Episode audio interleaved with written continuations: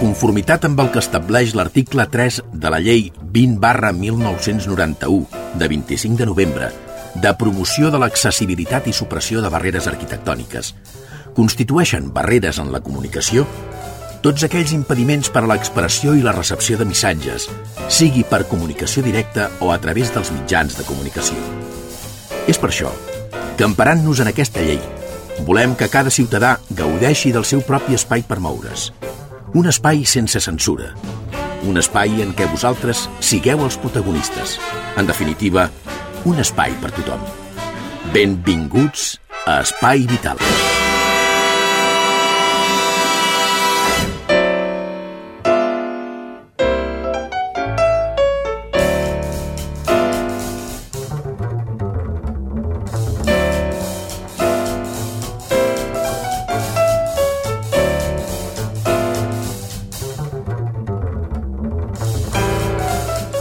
Senyores i senyors, què tal com estan? Benvinguts, ben trobats a la sintonia d'Espai Vital. Espai Vital és un programa que està coproduït per sis emissores de ràdio municipals i que ens fan una coproducció tan especial com una roda informativa perquè vosaltres o vostès sàpiguen quines són les últimes novetats en quant a sanitat d'un i cada un de, dels pobles que participen. Teresa Diviu, la nostra cuinera adaptada, que ja la tenim aquí. Has arribat aviat, Teresa. Oh, clar, perquè s'ha de córrer les coses, i no malament. Bé, doncs mira, fem una cosa. Eh, anem agafant plats, olles, agafant-ho tot. Tot. I cap al final del programa, què ens portaràs avui? Avui mongetes amb botifarra, amb Apa. una amanida. Apa, avui sí que dinarem d'allò més bé. Doncs pues ja està. Molt bé, doncs 3, 2 o 1, comencem el programa d'avui.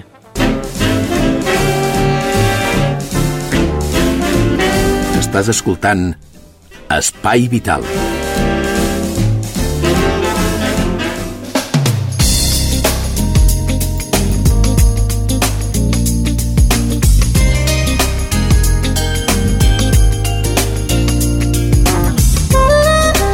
Avui a l'Espai Vital volem parlar d'una associació eh, sense ànim de lucre i que ajuda. Vosaltres sabeu que nosaltres, a les associacions que ajuden a la gent sense rebre un duro a canvi, ens interessa i ens agrada eh, donar, donar sortida en aquest programa. Avui els parlem d'una associació que es diu eh, Grup de Famílies GAM Anon té una mica de mm, semblant um, a l'Anon. D'això en parlarem amb la Maria, que és la responsable, um, si més no, entre cometes, del grup de famílies de GAM Anon. Amb ella la saludem. Maria, hola, què tal? Hola, bon dia. Maria, eh, que, com defineixes tu GAM Anon? Bueno, GAM Anon eh, som una associació de, de familiars o amics que eh, vivim eh, o hem viscut amb eh, una persona que eh, tingui el problema del joc compulsiu o patològic. Llavors, ens, eh, com a associació ens ajudem mútuament eh, a través de les nostres teràpies a entendre una miqueta en el problema en el que estem en els que estem implicats, no? Entenem una miqueta més el que és el joc, entenem com podem ajudar sense destruir-nos a nosaltres mateixos i, i a tirar endavant amb, el, amb aquest problema. Eh, Maria, teniu alguna seu situada en algun lloc de per aquí la vora, de, la, de la vora? Sí, nosaltres ens, aquí a, a, a Catalunya ens reunim a, a dos llocs, a Barcelona, ens reunim a, a, els dilluns a Barcelona, en el, a la Ronda de Sant Pau, que són unes escoles, escoles pies de 7 a 9, i els dissabtes al matí ens reunim a, a Terrassa, a, a l'Associació de Veïns del segle XX, ens reunim els dissabtes de 11 a 1. Uh Uh, jo el que sí que m'agradaria és donar-te el telèfon d'informació perquè qualsevol persona que vulgui trucar per demanar qualsevol tipus d'informació que necessiti Mm -hmm. poder-lo donar, si vols el dono encara i si no el, el donem després. Mira, doncs donem-lo. 6, 4, 5, 3, 4, 3, 3, 3, 6. Molt bé, a través d'aquest telèfon, eh, les persones que ens escolten i puguin tenir familiars amb problemes de ludopatia, eh, trucant aquí, què passarà? Bueno, nosaltres, si ens truca uh, un familiar que, que normalment quan truquen en aquests telèfons d'aquests grups anònims solen trucar bastant desesperats en, en un moment on ja ho han intentat tot, on han demanat que, que el seu familiar canvi d'actituds i tal, els, els animem a que vinguin a, a un dia a una de les nostres reunions Mm -hmm. a que expliquin el seu problema, on l'entendrem, com ningú el podrà entendre, perquè hem viscut el que estan visquent ells, i, i a que busqui ajuda i que no s'ho passi sol.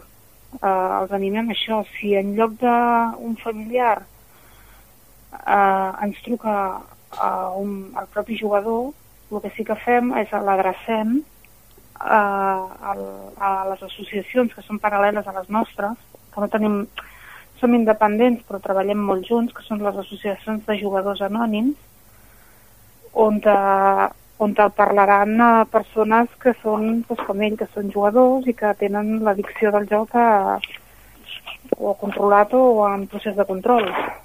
Maria, tu que ets una persona que estàs al telèfon en aquests moments, que demà pot ser una altra persona, però tu que ja estàs fa temps, quin tipus de conflictes i problemes plantegen amb aquest telèfon?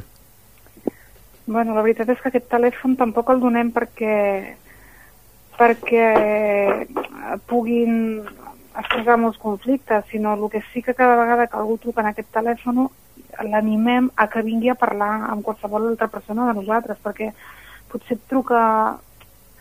El bo que té això és que potser et truca una persona que és uh, una mare i està patint el problema de que el seu fill està uh, enganxat al joc. Llavors, segur que si parla amb qualsevol altra persona, que en aquest cas no seria jo, perquè no tenim la mateixa... La puc entendre perfectament, però en el meu cas no seria, per exemple, el meu fill, doncs l'animaria a que vingués i que pogués parlar amb alguna persona que l'entendria potser més uh, aquest patiment de, de, que està passant amb el seu fill. En aquest telèfon eh, el que intentem és donar la informació, donar un missatge d'esperança de que es, es pot viure amb aquest problema o es pot sortir d'aquest problema i animar-lo a que vingui a una de les nostres reunions. Aquestes reunions no, no has de no són obligades a continuar, ni fixes, ni s'ha de pagar res, vull dir que tenen tota la llibertat del món per assistir o no assistir quan es vulgui. Llavors això també crea que el no tenir-se que apuntar en lloc i dir, ostres, és que ara em comprometo a anar-hi, eh, doncs fa, facin que, que, que, que facin aquest primer pas de buscar ajuda. Però en el telèfon, a veure si escoltem el que hagin d'escoltar, però sobretot és un telèfon per, per passar un missatge de que hi ha un grup de persones que l'entendran i que, que el poden ajudar.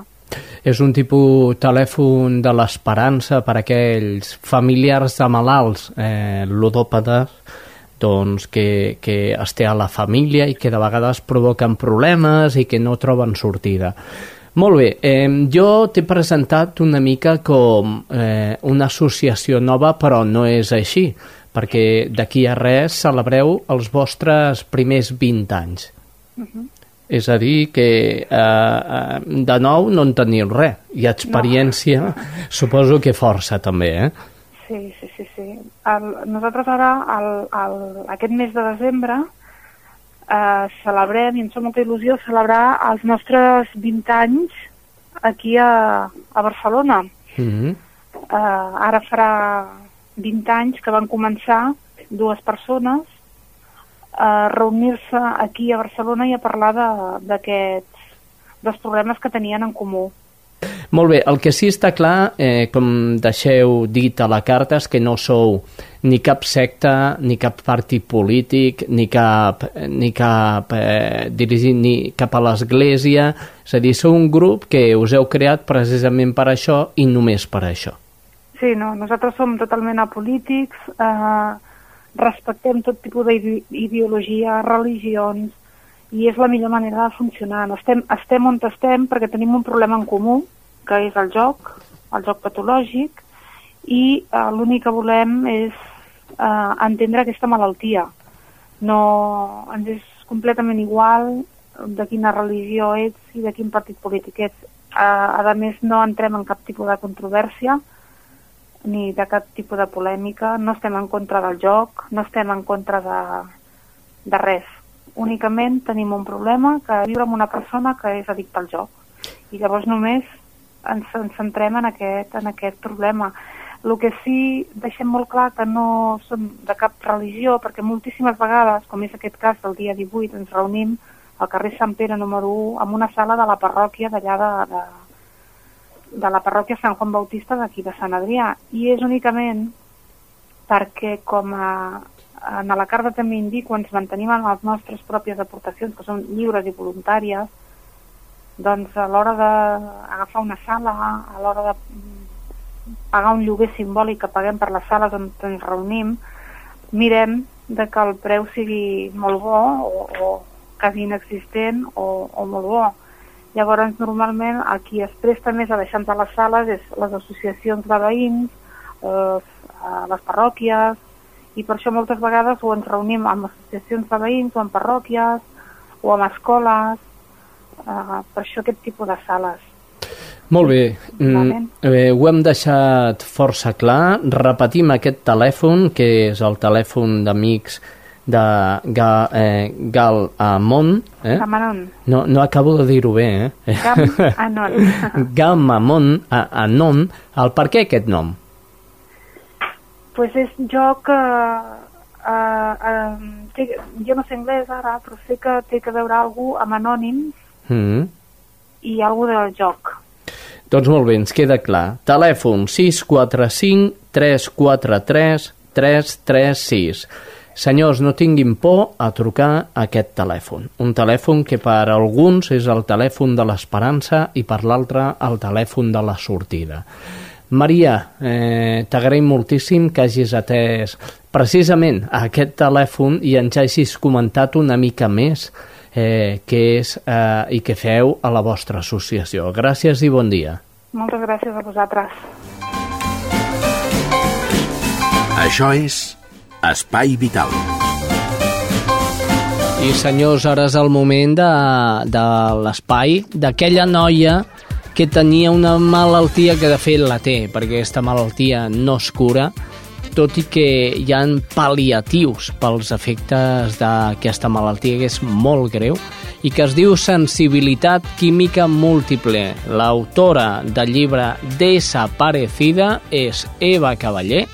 Ella pateix aquesta malaltia i ens ho explica, ens narra en versió radiofònica del Desaparecida, una vida rota por la sensibilidad química múltiple. A continuación les ofrecemos Desaparecida, un libro sobre la sensibilidad química múltiple.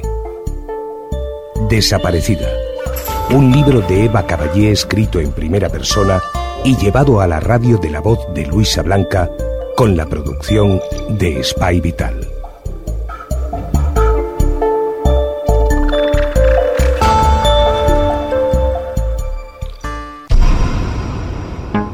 Si preguntáis a la gente que me conoce bien cómo era yo antes de enfermar, estoy segura de que entre varios adjetivos uno sería el de infatigable. Tenía tanta energía que parecía que jamás se me agotaba. No me cansaba nunca. Podía rendir habiendo dormido apenas cuatro horas y a pesar de mis limitaciones, siempre me apuntaba todo. Además, nunca he sido cobarde ni miedica. Recuerdo una vez que nos íbamos de viaje con una amiga y esperando el tren en la estación de Sans me robaron la bolsa de mano. No llevaba nada de valor para los ladrones, pero sí para mí, porque me quedé sin mis medicamentos para la alergia. No teníamos tiempo para reponerlos y me fui a Francia sin mi medicación, a pesar del riesgo que esto podía suponer. Pero no iba a dejar que nos fastidiaran así las vacaciones. Allí conseguimos reponer algunos y las vacaciones fueron geniales. La última semana de enero de 2008 escuché varias veces la misma palabra. Sensibilidad química múltiple. Tenía visita con un médico internista en el Hospital Vall de Barcelona. Le expliqué mi historia. ¿Cuántas veces he pensado que la debería tener grabada para no malgastar mi escasa energía explicando una y otra vez lo mismo? Además, cada vez resumía más, porque no es fácil sintetizar en cinco minutos dos años llenos de médicos, pruebas y sufrimiento. Creo que tienes sensibilidad química múltiple, porque ya te han hecho infinidad de pruebas que descartan otras patologías. Lo mejor será que vayas al doctor Joaquín Fernández Solá, médico internista del Hospital Clínic de Barcelona, que es un gran especialista en estas enfermedades. Seguro que él te podrá diagnosticar y orientar, porque lleva una compañera, una doctora que visita en el consultorio que está junto al mío, también afectada de sensibilidad química múltiple. Me dijo el médico sin titubear. Pues resulta que tengo hora con el doctor Joaquín Fernández Sola pasado mañana, porque yo también pensaba que podría tener esta enfermedad y pedí hora por Barnaclinic, ya que me informé y por seguridad social la lista de espera es de más de dos años. Le contesté aliviada, porque ahora sí que veía al final del túnel. Mientras mi cabeza, que no descansa nunca, se preguntó cómo era posible que la SQM no estuviera reconocida si ni los médicos se escapaban de sufrirla. Te haré un análisis de sangre y orina completo para asegurarnos de que no se nos escapa nada, y hazte el TAC pulmonar que tienes programado hoy. Así verificamos que tus pulmones están bien. Salí de la consulta agotada, una hora hablando, más el reconocimiento físico y aguantando el calor inhumano que hacen los hospitales en invierno. Bajamos a la planta para hacerme el TAC. Necesitaba estirarme. Mi cuerpo se estaba rompiendo en mil pedazos. Mientras esperaba intentaba que nadie se acercara a mí, para no tener que cambiarme de sitio huyendo de sus perfumes y colonias que penetraban a través de mi máscara. Por llevar la cara tapada ahuyentaba a la mayoría de gente, y si alguien se atrevía a acercarse para sentarse cerca de mí, empezaba a toser a ver si así desistían. Pero apareció el carrito tóxico de la limpieza. Lejía, ambientador, limpiadores de todos los olores posibles y el cubo lleno de agua pestosa. Tuve que salir corriendo. Corría tanto que casi alcanzaba a los que iban con muletas. Finalmente me tocó entrar. Hacía muchísimo calor y había mucha luz y ruido. Recuerdo haber pensado que el tema pintaba fatal. Me estiré en la camilla y me pusieron encima una manta con plomo para que no recibiera radiación en las zonas donde no hacía falta. Cuando me pusieron la manta tuve la sensación de que alguien se me había sentado encima. Apenas puedo respirar. No tolero el calor, me estoy mareando y los ojos me queman. Le comenté al chico que me estaba dando instrucciones, con apenas un hilo de voz. No te quejes, que eres muy joven, y si los abuelos pueden aguantar, tú también, sentenció el técnico.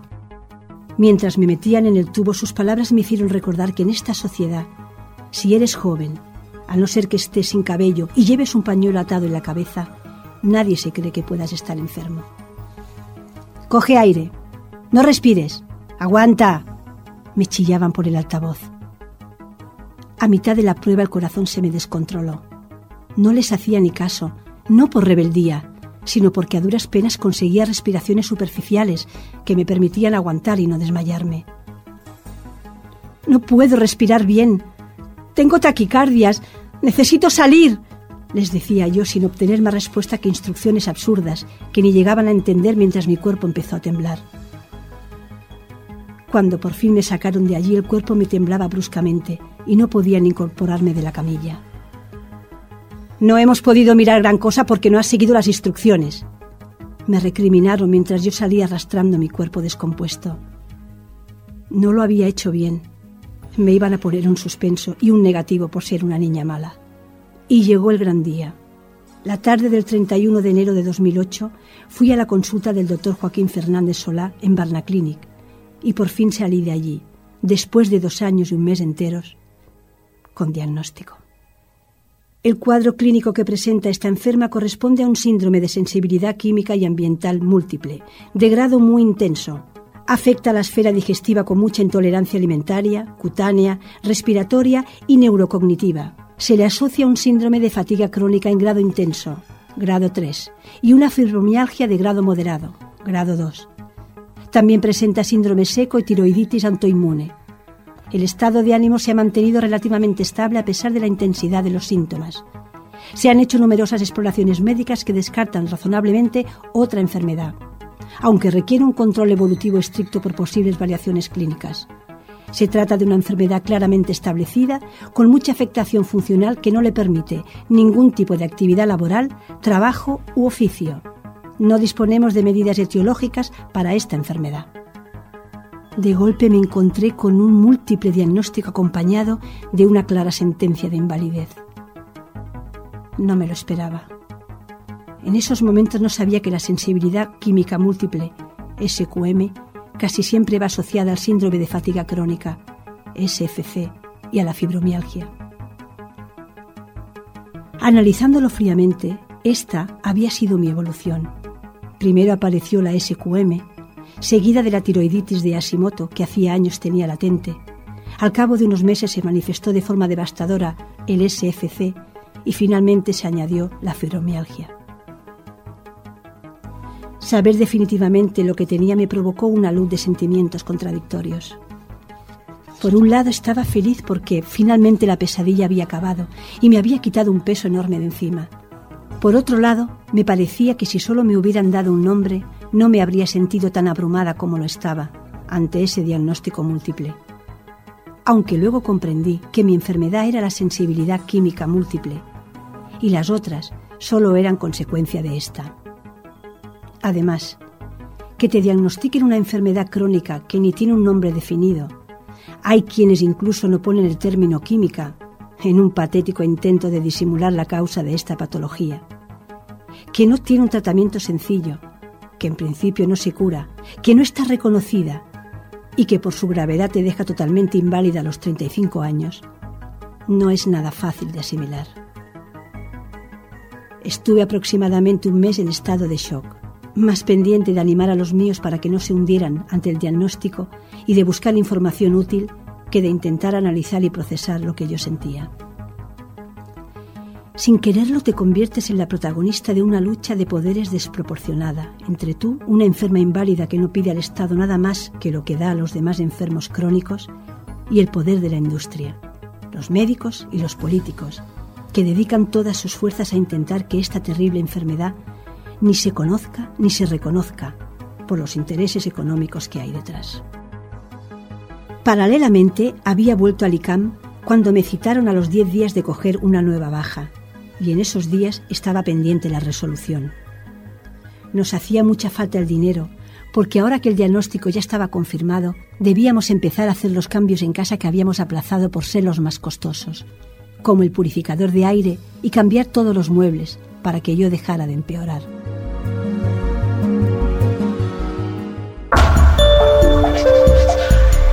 Y hasta aquí, Desaparecida. Un libro sobre la sensibilidad química múltiple. Desaparecida. Un libro de Eva Caballé escrito en primera persona y llevado a la radio de la voz de Luisa Blanca con la producción de Spy Vital. Desaparecida. Un libro de la editorial El Viejo Topo.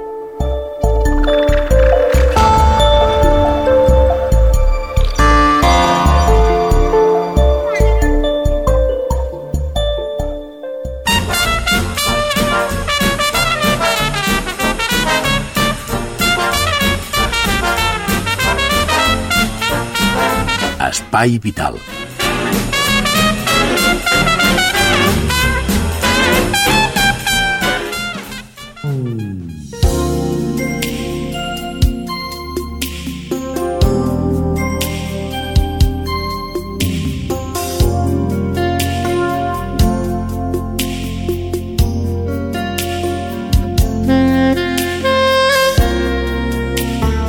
Ha arribat el moment de parlar de solidaritat. Avui tenim pastilles per al dolor ajeno. Escolteu la promoció. Mandile es de Zimbabue, tiene 15 años y es seropositivo. Ecedine es de Etiopía, tiene cala azar. Sufre malaria. Tuberculosis. Mal de Chagas. El diagnóstico es complejo. Es una enfermedad que sin tratamiento es mortal. Sin embargo, su precio es alto para alguien sin recursos. El problema es muy simple. Sin acceso al tratamiento, no hay cura. A tu salud, Negash. A tu salud, Isaka. Si te duele que miles de personas no tengan medicinas para curarse, compra en tu farmacia las pastillas contra el dolor ajeno. Cada euro se destinará a tratar enfermos olvidados. Pastillas contra el dolor ajeno. Tú te las tomas, otros se curan. A tu salud, Ereni. Toni Luna, bon dia. Hola, bon dia. El, el Toni Luna és un dels responsables d'aquesta campanya. Toni, què és aquesta campanya? Doncs aquesta campanya és un intent que fem des de Metges Sense Fronteres d'acostar a la ciutadania eh, un, una realitat que, que, que per nosaltres eh, des d'aquí, des del nostre estat del benestar, és llunyana, però que afecta milions de persones arreu del món. Eh, es tracta de persones que pateixen malalties per les quals no hi ha, no hi ha tractament o, o, és, o existeix el tractament però és molt car i no s'ho poden pagar i, i, i el que busquem és això, és aquesta empatia eh, de que les persones que vagin a la farmàcia a buscar eh, remei pels seus mals eh, solidaritzin amb persones que pateixen mals pels quals no, no hi ha medicaments. No? És una campanya que heu tirat endavant gràcies també a l'ajuda, com a mínim, de les veus, veus famoses com Andreu Buenafuente o, o d'altres, no? Sí, hi ha molts, eh, moltes persones famoses, eh, actors, cantants, eh, eh, futbolistes, eh, investigadors, eh, Ferran Adrià, cuiner... Eh, hi, hi ha moltes persones que, que, que, que han donat un pas endavant, som socis eh, tots ells de Metges Sense Fronteres, per tant ja confien i col·laboren amb l'organització d'una manera, i en aquesta campanya han volgut donar un pas endavant i, i, i comprometre's amb, amb el dolor aliè, no? amb, el, amb els mals que afecten a altres persones, no? i ens han recolzat de manera totalment altruista perquè aquesta campanya doncs, tingui tota la repercussió possible. Molt bé, una campanya que té una finalitat molt concreta. Eh, aquí el que hem fet, com et deia, era eh, buscaven la manera de que el ciutadà conegui aquesta realitat i, i el que hem fet és posar en aquest lloc amb el que anem tots a comprar eh, remeis per als nostres mals, o sigui, la farmàcia, hem posat unes pastilles, que en realitat són sis caramells de menta, eh, que es diuen pastilles contra el dolor aliè, o sigui, pastilles contra el, el dolor dels altres, no? I són unes catxetes de, de caramels que valen un euro i aquest euro va íntegrament destinat a dels projectes eh, de, de Chagas, Calassar, malària, tuberculosis, eh, mal, la malaltia de la son, o sigui que són aquestes malalties de les que parlem, que són oblidades i per les quals no existeix la possibilitat de, de donar tractament si no és amb el recolzament de molts. Molt bé, Chagas, Calassar eh, i, i quins més m'has dit? Doncs mira, això en concret són sis malalties que eh, algunes en sonen més pels noms i altres, altres no. Mira, estem parlant del Calassar, eh, que és una malaltia que, que afecta a Índia i a algunes parts de, de l'Àfrica, o també es coneix per la eh, febre negra, és la tuberculosis. Eh, la tuberculosis sembla que estigui erradicada, però és una malaltia que afecta, afecta milers i milers de persones arreu del món i és la primera causa de mort eh, quan és eh, coinfecció amb, amb sida. Eh, després estem parlant de la malària, que, que és la principal causa de mort infantil a, a l'Àfrica, està el Chagas, que és una malaltia que sona, ni sona pot ser el nom, però que afecta Centre i Sud-amèrica i, que, i que és mortal si no, si no es, es tracta, i a més a més els tractaments que existeixen es van desenvolupar fa més de 50 anys. Està la malaltia de la SOM, que és la tripanosomiasis humana africana, i la sida, però en la vessant pediàtrica. O sigui, però la sida, si dius, ostres, la sida no és una malaltia oblidada, però, però perquè aquí la coneixem molt, però la coneixem tant que aquí ja no neixen nens amb sida, eh, o els que neixen tenen moltes eh, opcions de tractament i no, no, no prospera el virus. Però a Àfrica, eh, de les mares eh, que tenen sida, el 50 tantos per cent dels nens que tenen eh, neixen contagiats de la sida i, i no existeixen tractaments pels nens, perquè aquí no ens afecta i per tant lo que hem, eh, el sistema amb el qual tractem amb els nens que neixen així d'Àfrica i amb altres eh, països pobres és eh, agafar les dosis d'adults, o sigui, la pastilla de l'adult i en funció del pes del nen, doncs tallant-la com es pot i en funció d'uns paràmetres, no? Que, el qual complica moltíssim l'efecte, el resultat i, i tot. No? Quina és eh, la valoració que de moment esteu fent d'aquesta promoció, d'aquesta campanya? La veritat és que estem francament sorpresos.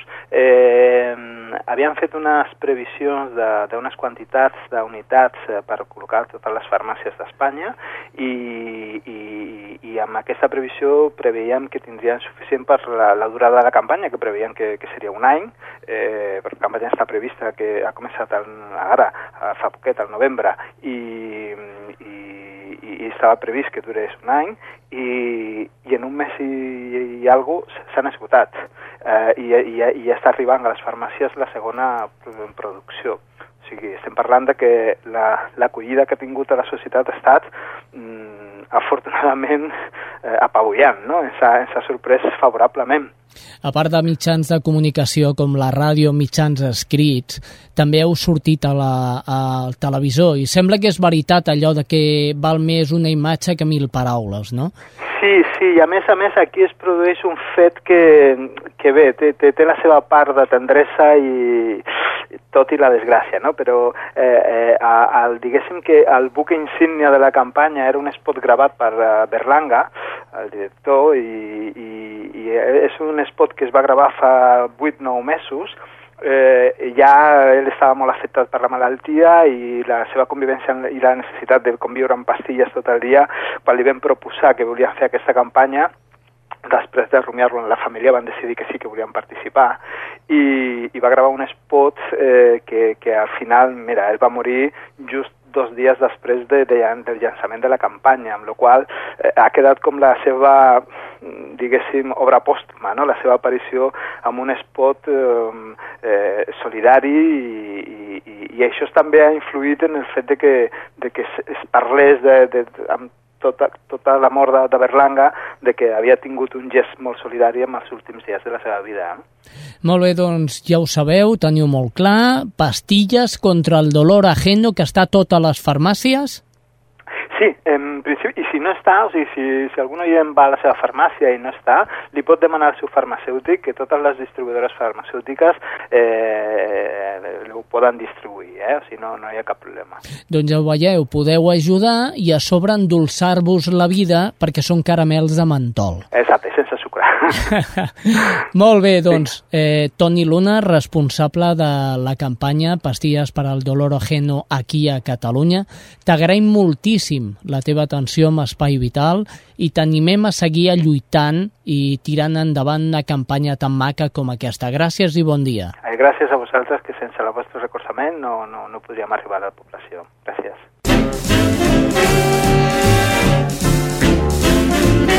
Estàs escoltant Espai Vital. I des de Ripollet, Cerdanyola, Montcada, Barberà, Santa Perpètua i Sabadell. Teresa, a la maco. saps el que toca ara, no? Pues la cuina o el poeta. O el poeta, em sembla el poeta. El poeta El poeta coix, el Jordi Condal. Cada dia estàs pitjor, Jordi. Anem a escoltar el poema que ens porta el poeta coix.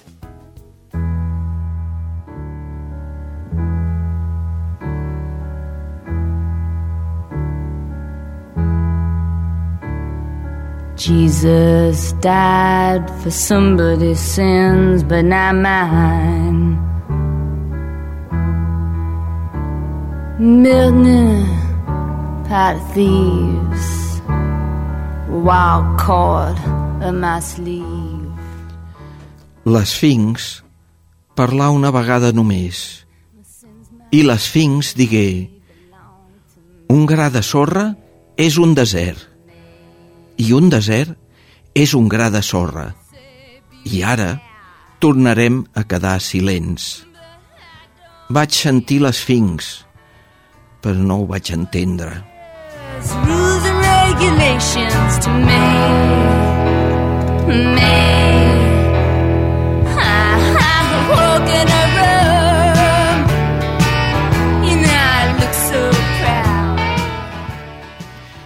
Una perla és un temple construït pel dolor, al voltant d'un gra de sorra.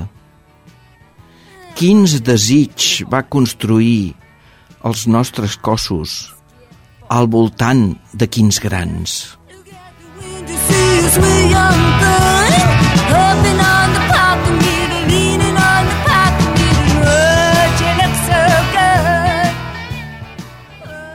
El record és una forma de trobada.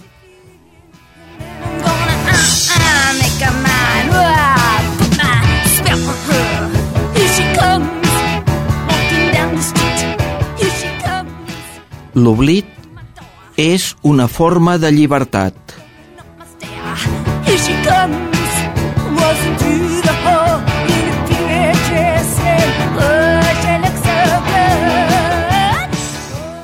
Mesurem el temps d'acord amb el moviment dels sols incomptables i ells mesuren el temps amb maquinetes a les seves petites butxaques. Ara digues-me, com ens podem mai trobar al mateix lloc i al mateix temps?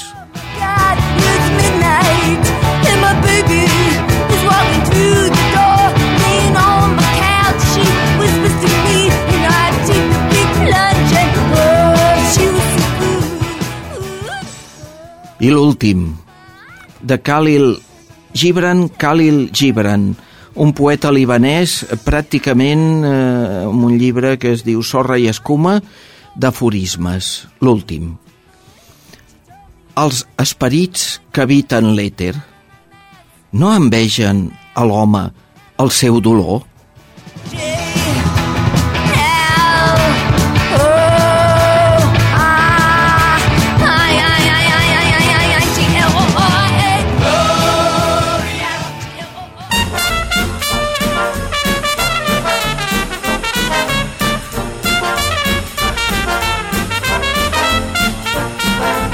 Espai Vital.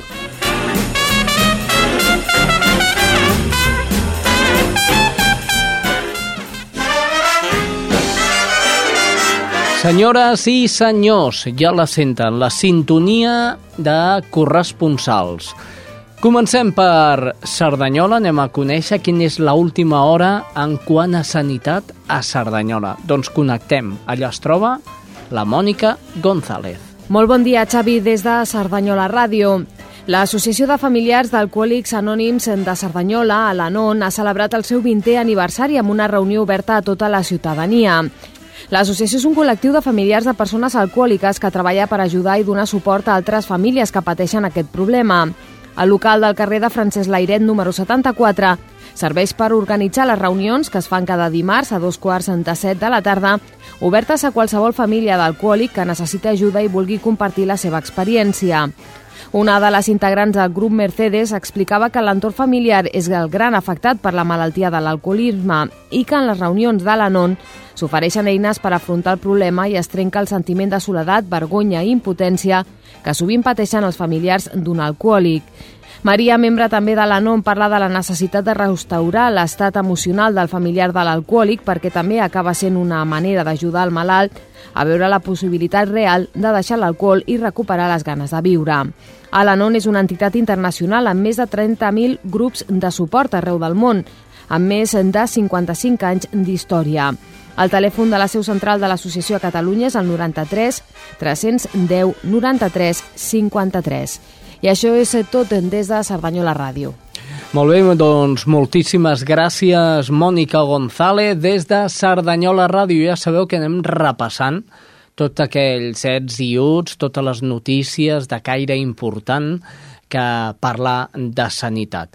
Ara, abans de seguir amb la roda, eh, us convido un cop més a que vingueu a una gala que es munta a Cerdanyola, al Teatre de l'Ateneu, eh, que és a benefici dels malalts d'esclerosi múltiple. És normal que jo us ho demani.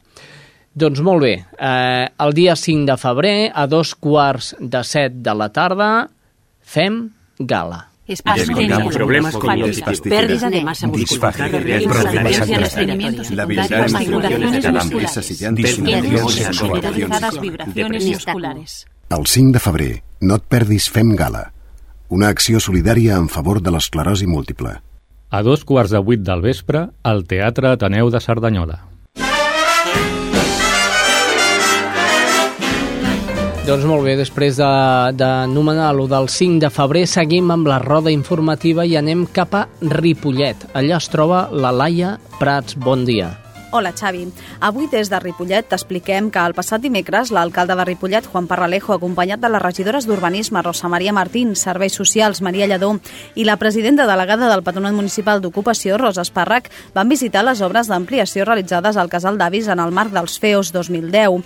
Gràcies a aquesta inversió, l'equipament ha transformat la seva antiga terrassa en un espai polivalent, cobert i climatitzat de més de 200 metres quadrats. Aquesta millora s'ha fet perquè l'antic espai s'utilitzava poc, ja que era massa calorós a l'estiu l'estiu i massa fred a l'hivern. D'altra banda, també s'ha recuperat el servei de podologia, que durant uns mesos no ha funcionat i que ara compta amb un professional qualificat que visita el casal d'avis tots els dimarts a la tarda. I això és tot fins la setmana vinent. Fins la setmana vinent, Laia Prats des de Ripollet Ràdio. Anem cap a Barberà. Allà es troba la Judit González. Salutacions des de Ràdio Barberà. La Junta de Govern Local del nostre Ajuntament mira, va aprovar per unanimitat un conveni de col·laboració entre la Fundació Blanquerna de Barcelona i el Consistori Barberenc. Aquest conveni es basa en la participació de l'Escola d'Infermeria, Fisioteràpia i Nutrició de la Fundació Blanquerna amb un escrit mensual per ser publicat a la revista municipal Barberà i a la web municipal del Consistori Barberenc sobre diverses informacions i consells sobre salut, nutrició i dietètica destinada a la gent gran del municipi amb la participació participació dels estudiants del tercer curs de l'escola. Així, els lectors podran trobar tots els consells i informacions sobre salut, nutrició i dietètica que donen des de l'Escola Universitària d'Infermeria, Fisioteràpia i Nutrició Blanquerna, Universitat Ramon Llull. Molt bé, gràcies Judit González des de Barberà. Botifarra amb mongetes, has dit, no? Sí. Sí, perquè... Una... I una amanida. Una amanideta, bé. Anem cap a... ràpidament cap a Montcada. Allà, com sempre, és la Sílvia Díaz la que s'encarrega de passar-se la crònica. Bon dia. Hola, salutacions des de Montcada i Reixac a l'Espai Vital. L'Associació Catalana de la Síndrome de Red, que té la seva seu aquí al municipi a Montcada, i la Fundació Tecnon organitzen el pròxim dissabte 5 de febrer la primera jornada nacional dedicada a aquesta malaltia, que tindrà lloc des de les 9 del matí fins a dos quarts de 8 de la tarda a la sala d'actes del Centre Mèdic, situat al carrer Vilana de Barcelona. Durant tot el dia se succeiran les xerrades i ponències a càrrec d'especialistes sobre els sistemes del cos que habitualment queden més afectats per aquesta patologia, les teràpies que donen millors resultats, fisioteràpia i psicomotricitat, entre d'altres aspectes. La síndrome de Rett és un trastorn neurològic que es presenta principalment en les nenes i que va ser descobert el 1966.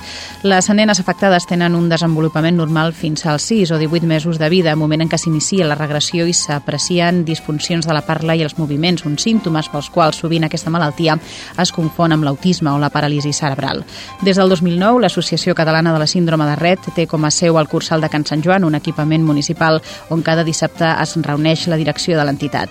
Entre d'altres iniciatives, l'associació ha fet ja diverses xerrades amb les famílies de les nenes afectades. A més, recentment, l'obra social d'UNIM va otorgar a l'entitat 12.000 euros per a un projecte de suport als pares i mares de les afectades. Doncs bé, això és tot per avui. Fins la setmana vinent. Gràcies, Sílvia Díaz. Anem cap a l'altra punta, Santa Perpètua de la Moguda. Allà es troba l'Estrella Núñez. Hola, bon dia. Hola, salutacions des de Santa Perpètua. L'associació Espiral, dedicada a les famílies amb fills amb trastorn general del desenvolupament i espectre autista i trastorn del dèficit d'atenció, organitza un curs sobre el TDAH i altres trastorns dirigit al professorat i a professionals de l'educació. Les classes aniran a càrrec de l'equip del doctor Josep Artigas de l'Hospital Part Taulí de Sabadell. Espiral manté obertes les inscripcions a aquest curs, que té un límit de 50 places i de les quals ja s'han cobert tres quartes parts, segons informa l'associació. Les classes es duran a terme els dies 5, 12 i 19 de febrer al matí al Centre Cívic La Creueta, allà on Espiral hi té la seva seu. El TDAH i altres trastorns per a professors i professionals d'ensenyament és el títol d'aquest curs organitzat per l'associació Espiral. Serà el tercer que organitzen. El primer va estar adreçat a les famílies i el segon a monitors relacionats amb el món d'aquests trastorns. L'objectiu que persegueix Espiral amb aquest curs és oferir informació i formació a totes les persones que tenen a veure amb persones amb trastorn general del desenvolupament i espectre autista i trastorn del dèficit d'atenció amb o sense hiperactivitat. Des d'Espiral afirmen que actualment hi ha una manca d'aquest tipus de formació. L'esperança del president d'Espiral, David Vargas, és que arribi un moment en què aquest tipus d'associacions hagi de desaparèixer perquè les administracions hagin assumit les seves responsabilitats. Espiral ofereix un curs sobre el TDAH i altres trastorns per a professors i professionals de l'educació. Les classes les impartirà el doctor de l'Hospital Partaulí, Josep Artigas. Això és tot des de Santa Barbètua. Fins la setmana vinent. Això és Espai Vital.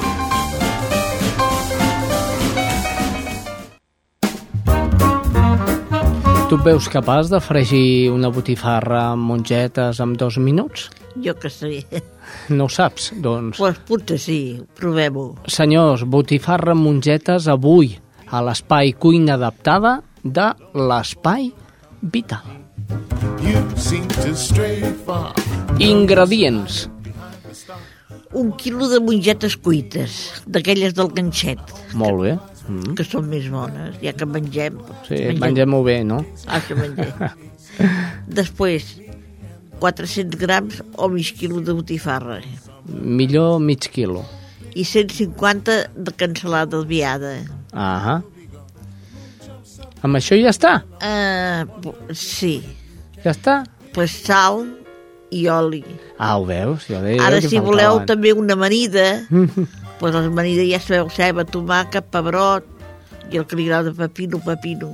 I, i au. Oli, sal i vinagre. Tot barrejat i per acompanyar la Bueno. botifarra. Que com la farem? La botifarra a la planxa. Sí. La fem a la planxa i posem un altre cantó, la paella, al foc amb una miqueta d'oli i que es vagi fonent la cansalada. La demaneu que us la tallin a trossets a la, a la, a la cansaladeria, Mm que així va més bé a trossets, Molt bé. que es vagi desfent. No la deixeu que allò fer cremada, encara no, no és bona. Allò que és, com estigui una miqueta ja transparent, ja la podreu treure. Bueno, doncs deixeu això. Escalfeu les mongetes, que allà la, quan les compreu cuites, que us hi posin suc. Molt Les escalfeu, Mm. les acoleu, Mm. les poseu en un plat, Sí. per cadascú les que vulgueu. La cansalada, com que ja estarà fregideta, s'haurà desfet, que feu una cullera i aneu tirant trossets de cansalada per sobre les mongetes i el suc, i així ja queden amanides. Uh -huh. I en quant un tros de botifarra cada un, feu una amanida de ceba, tomàquet i pebrot i feu amb un bol, ratlleu un tomàquet madur, una vinagreta, oli, sal i vinagre, la bateu amb les varilles i aneu amanint aquella amanida.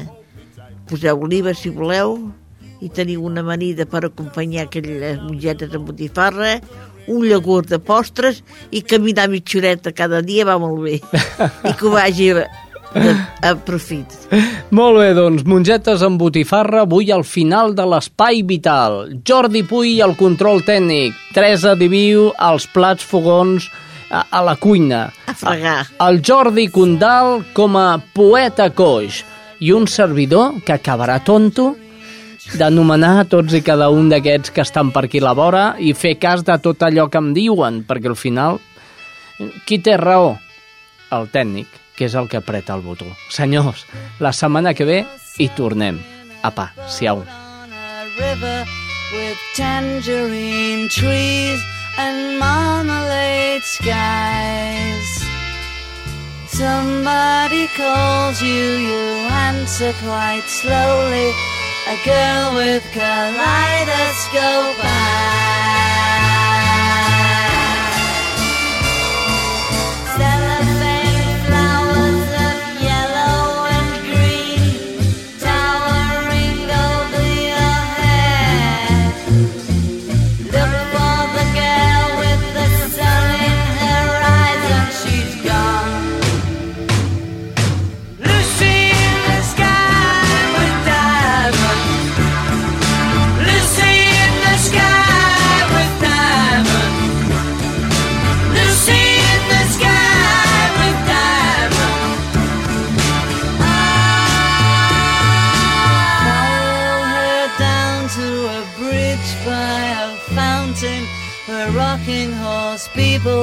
Eat marshmallow pies. Everyone smiles as you drift past the flowers that grow so incredibly high. Newspaper taxis appear on the shore, waiting to take you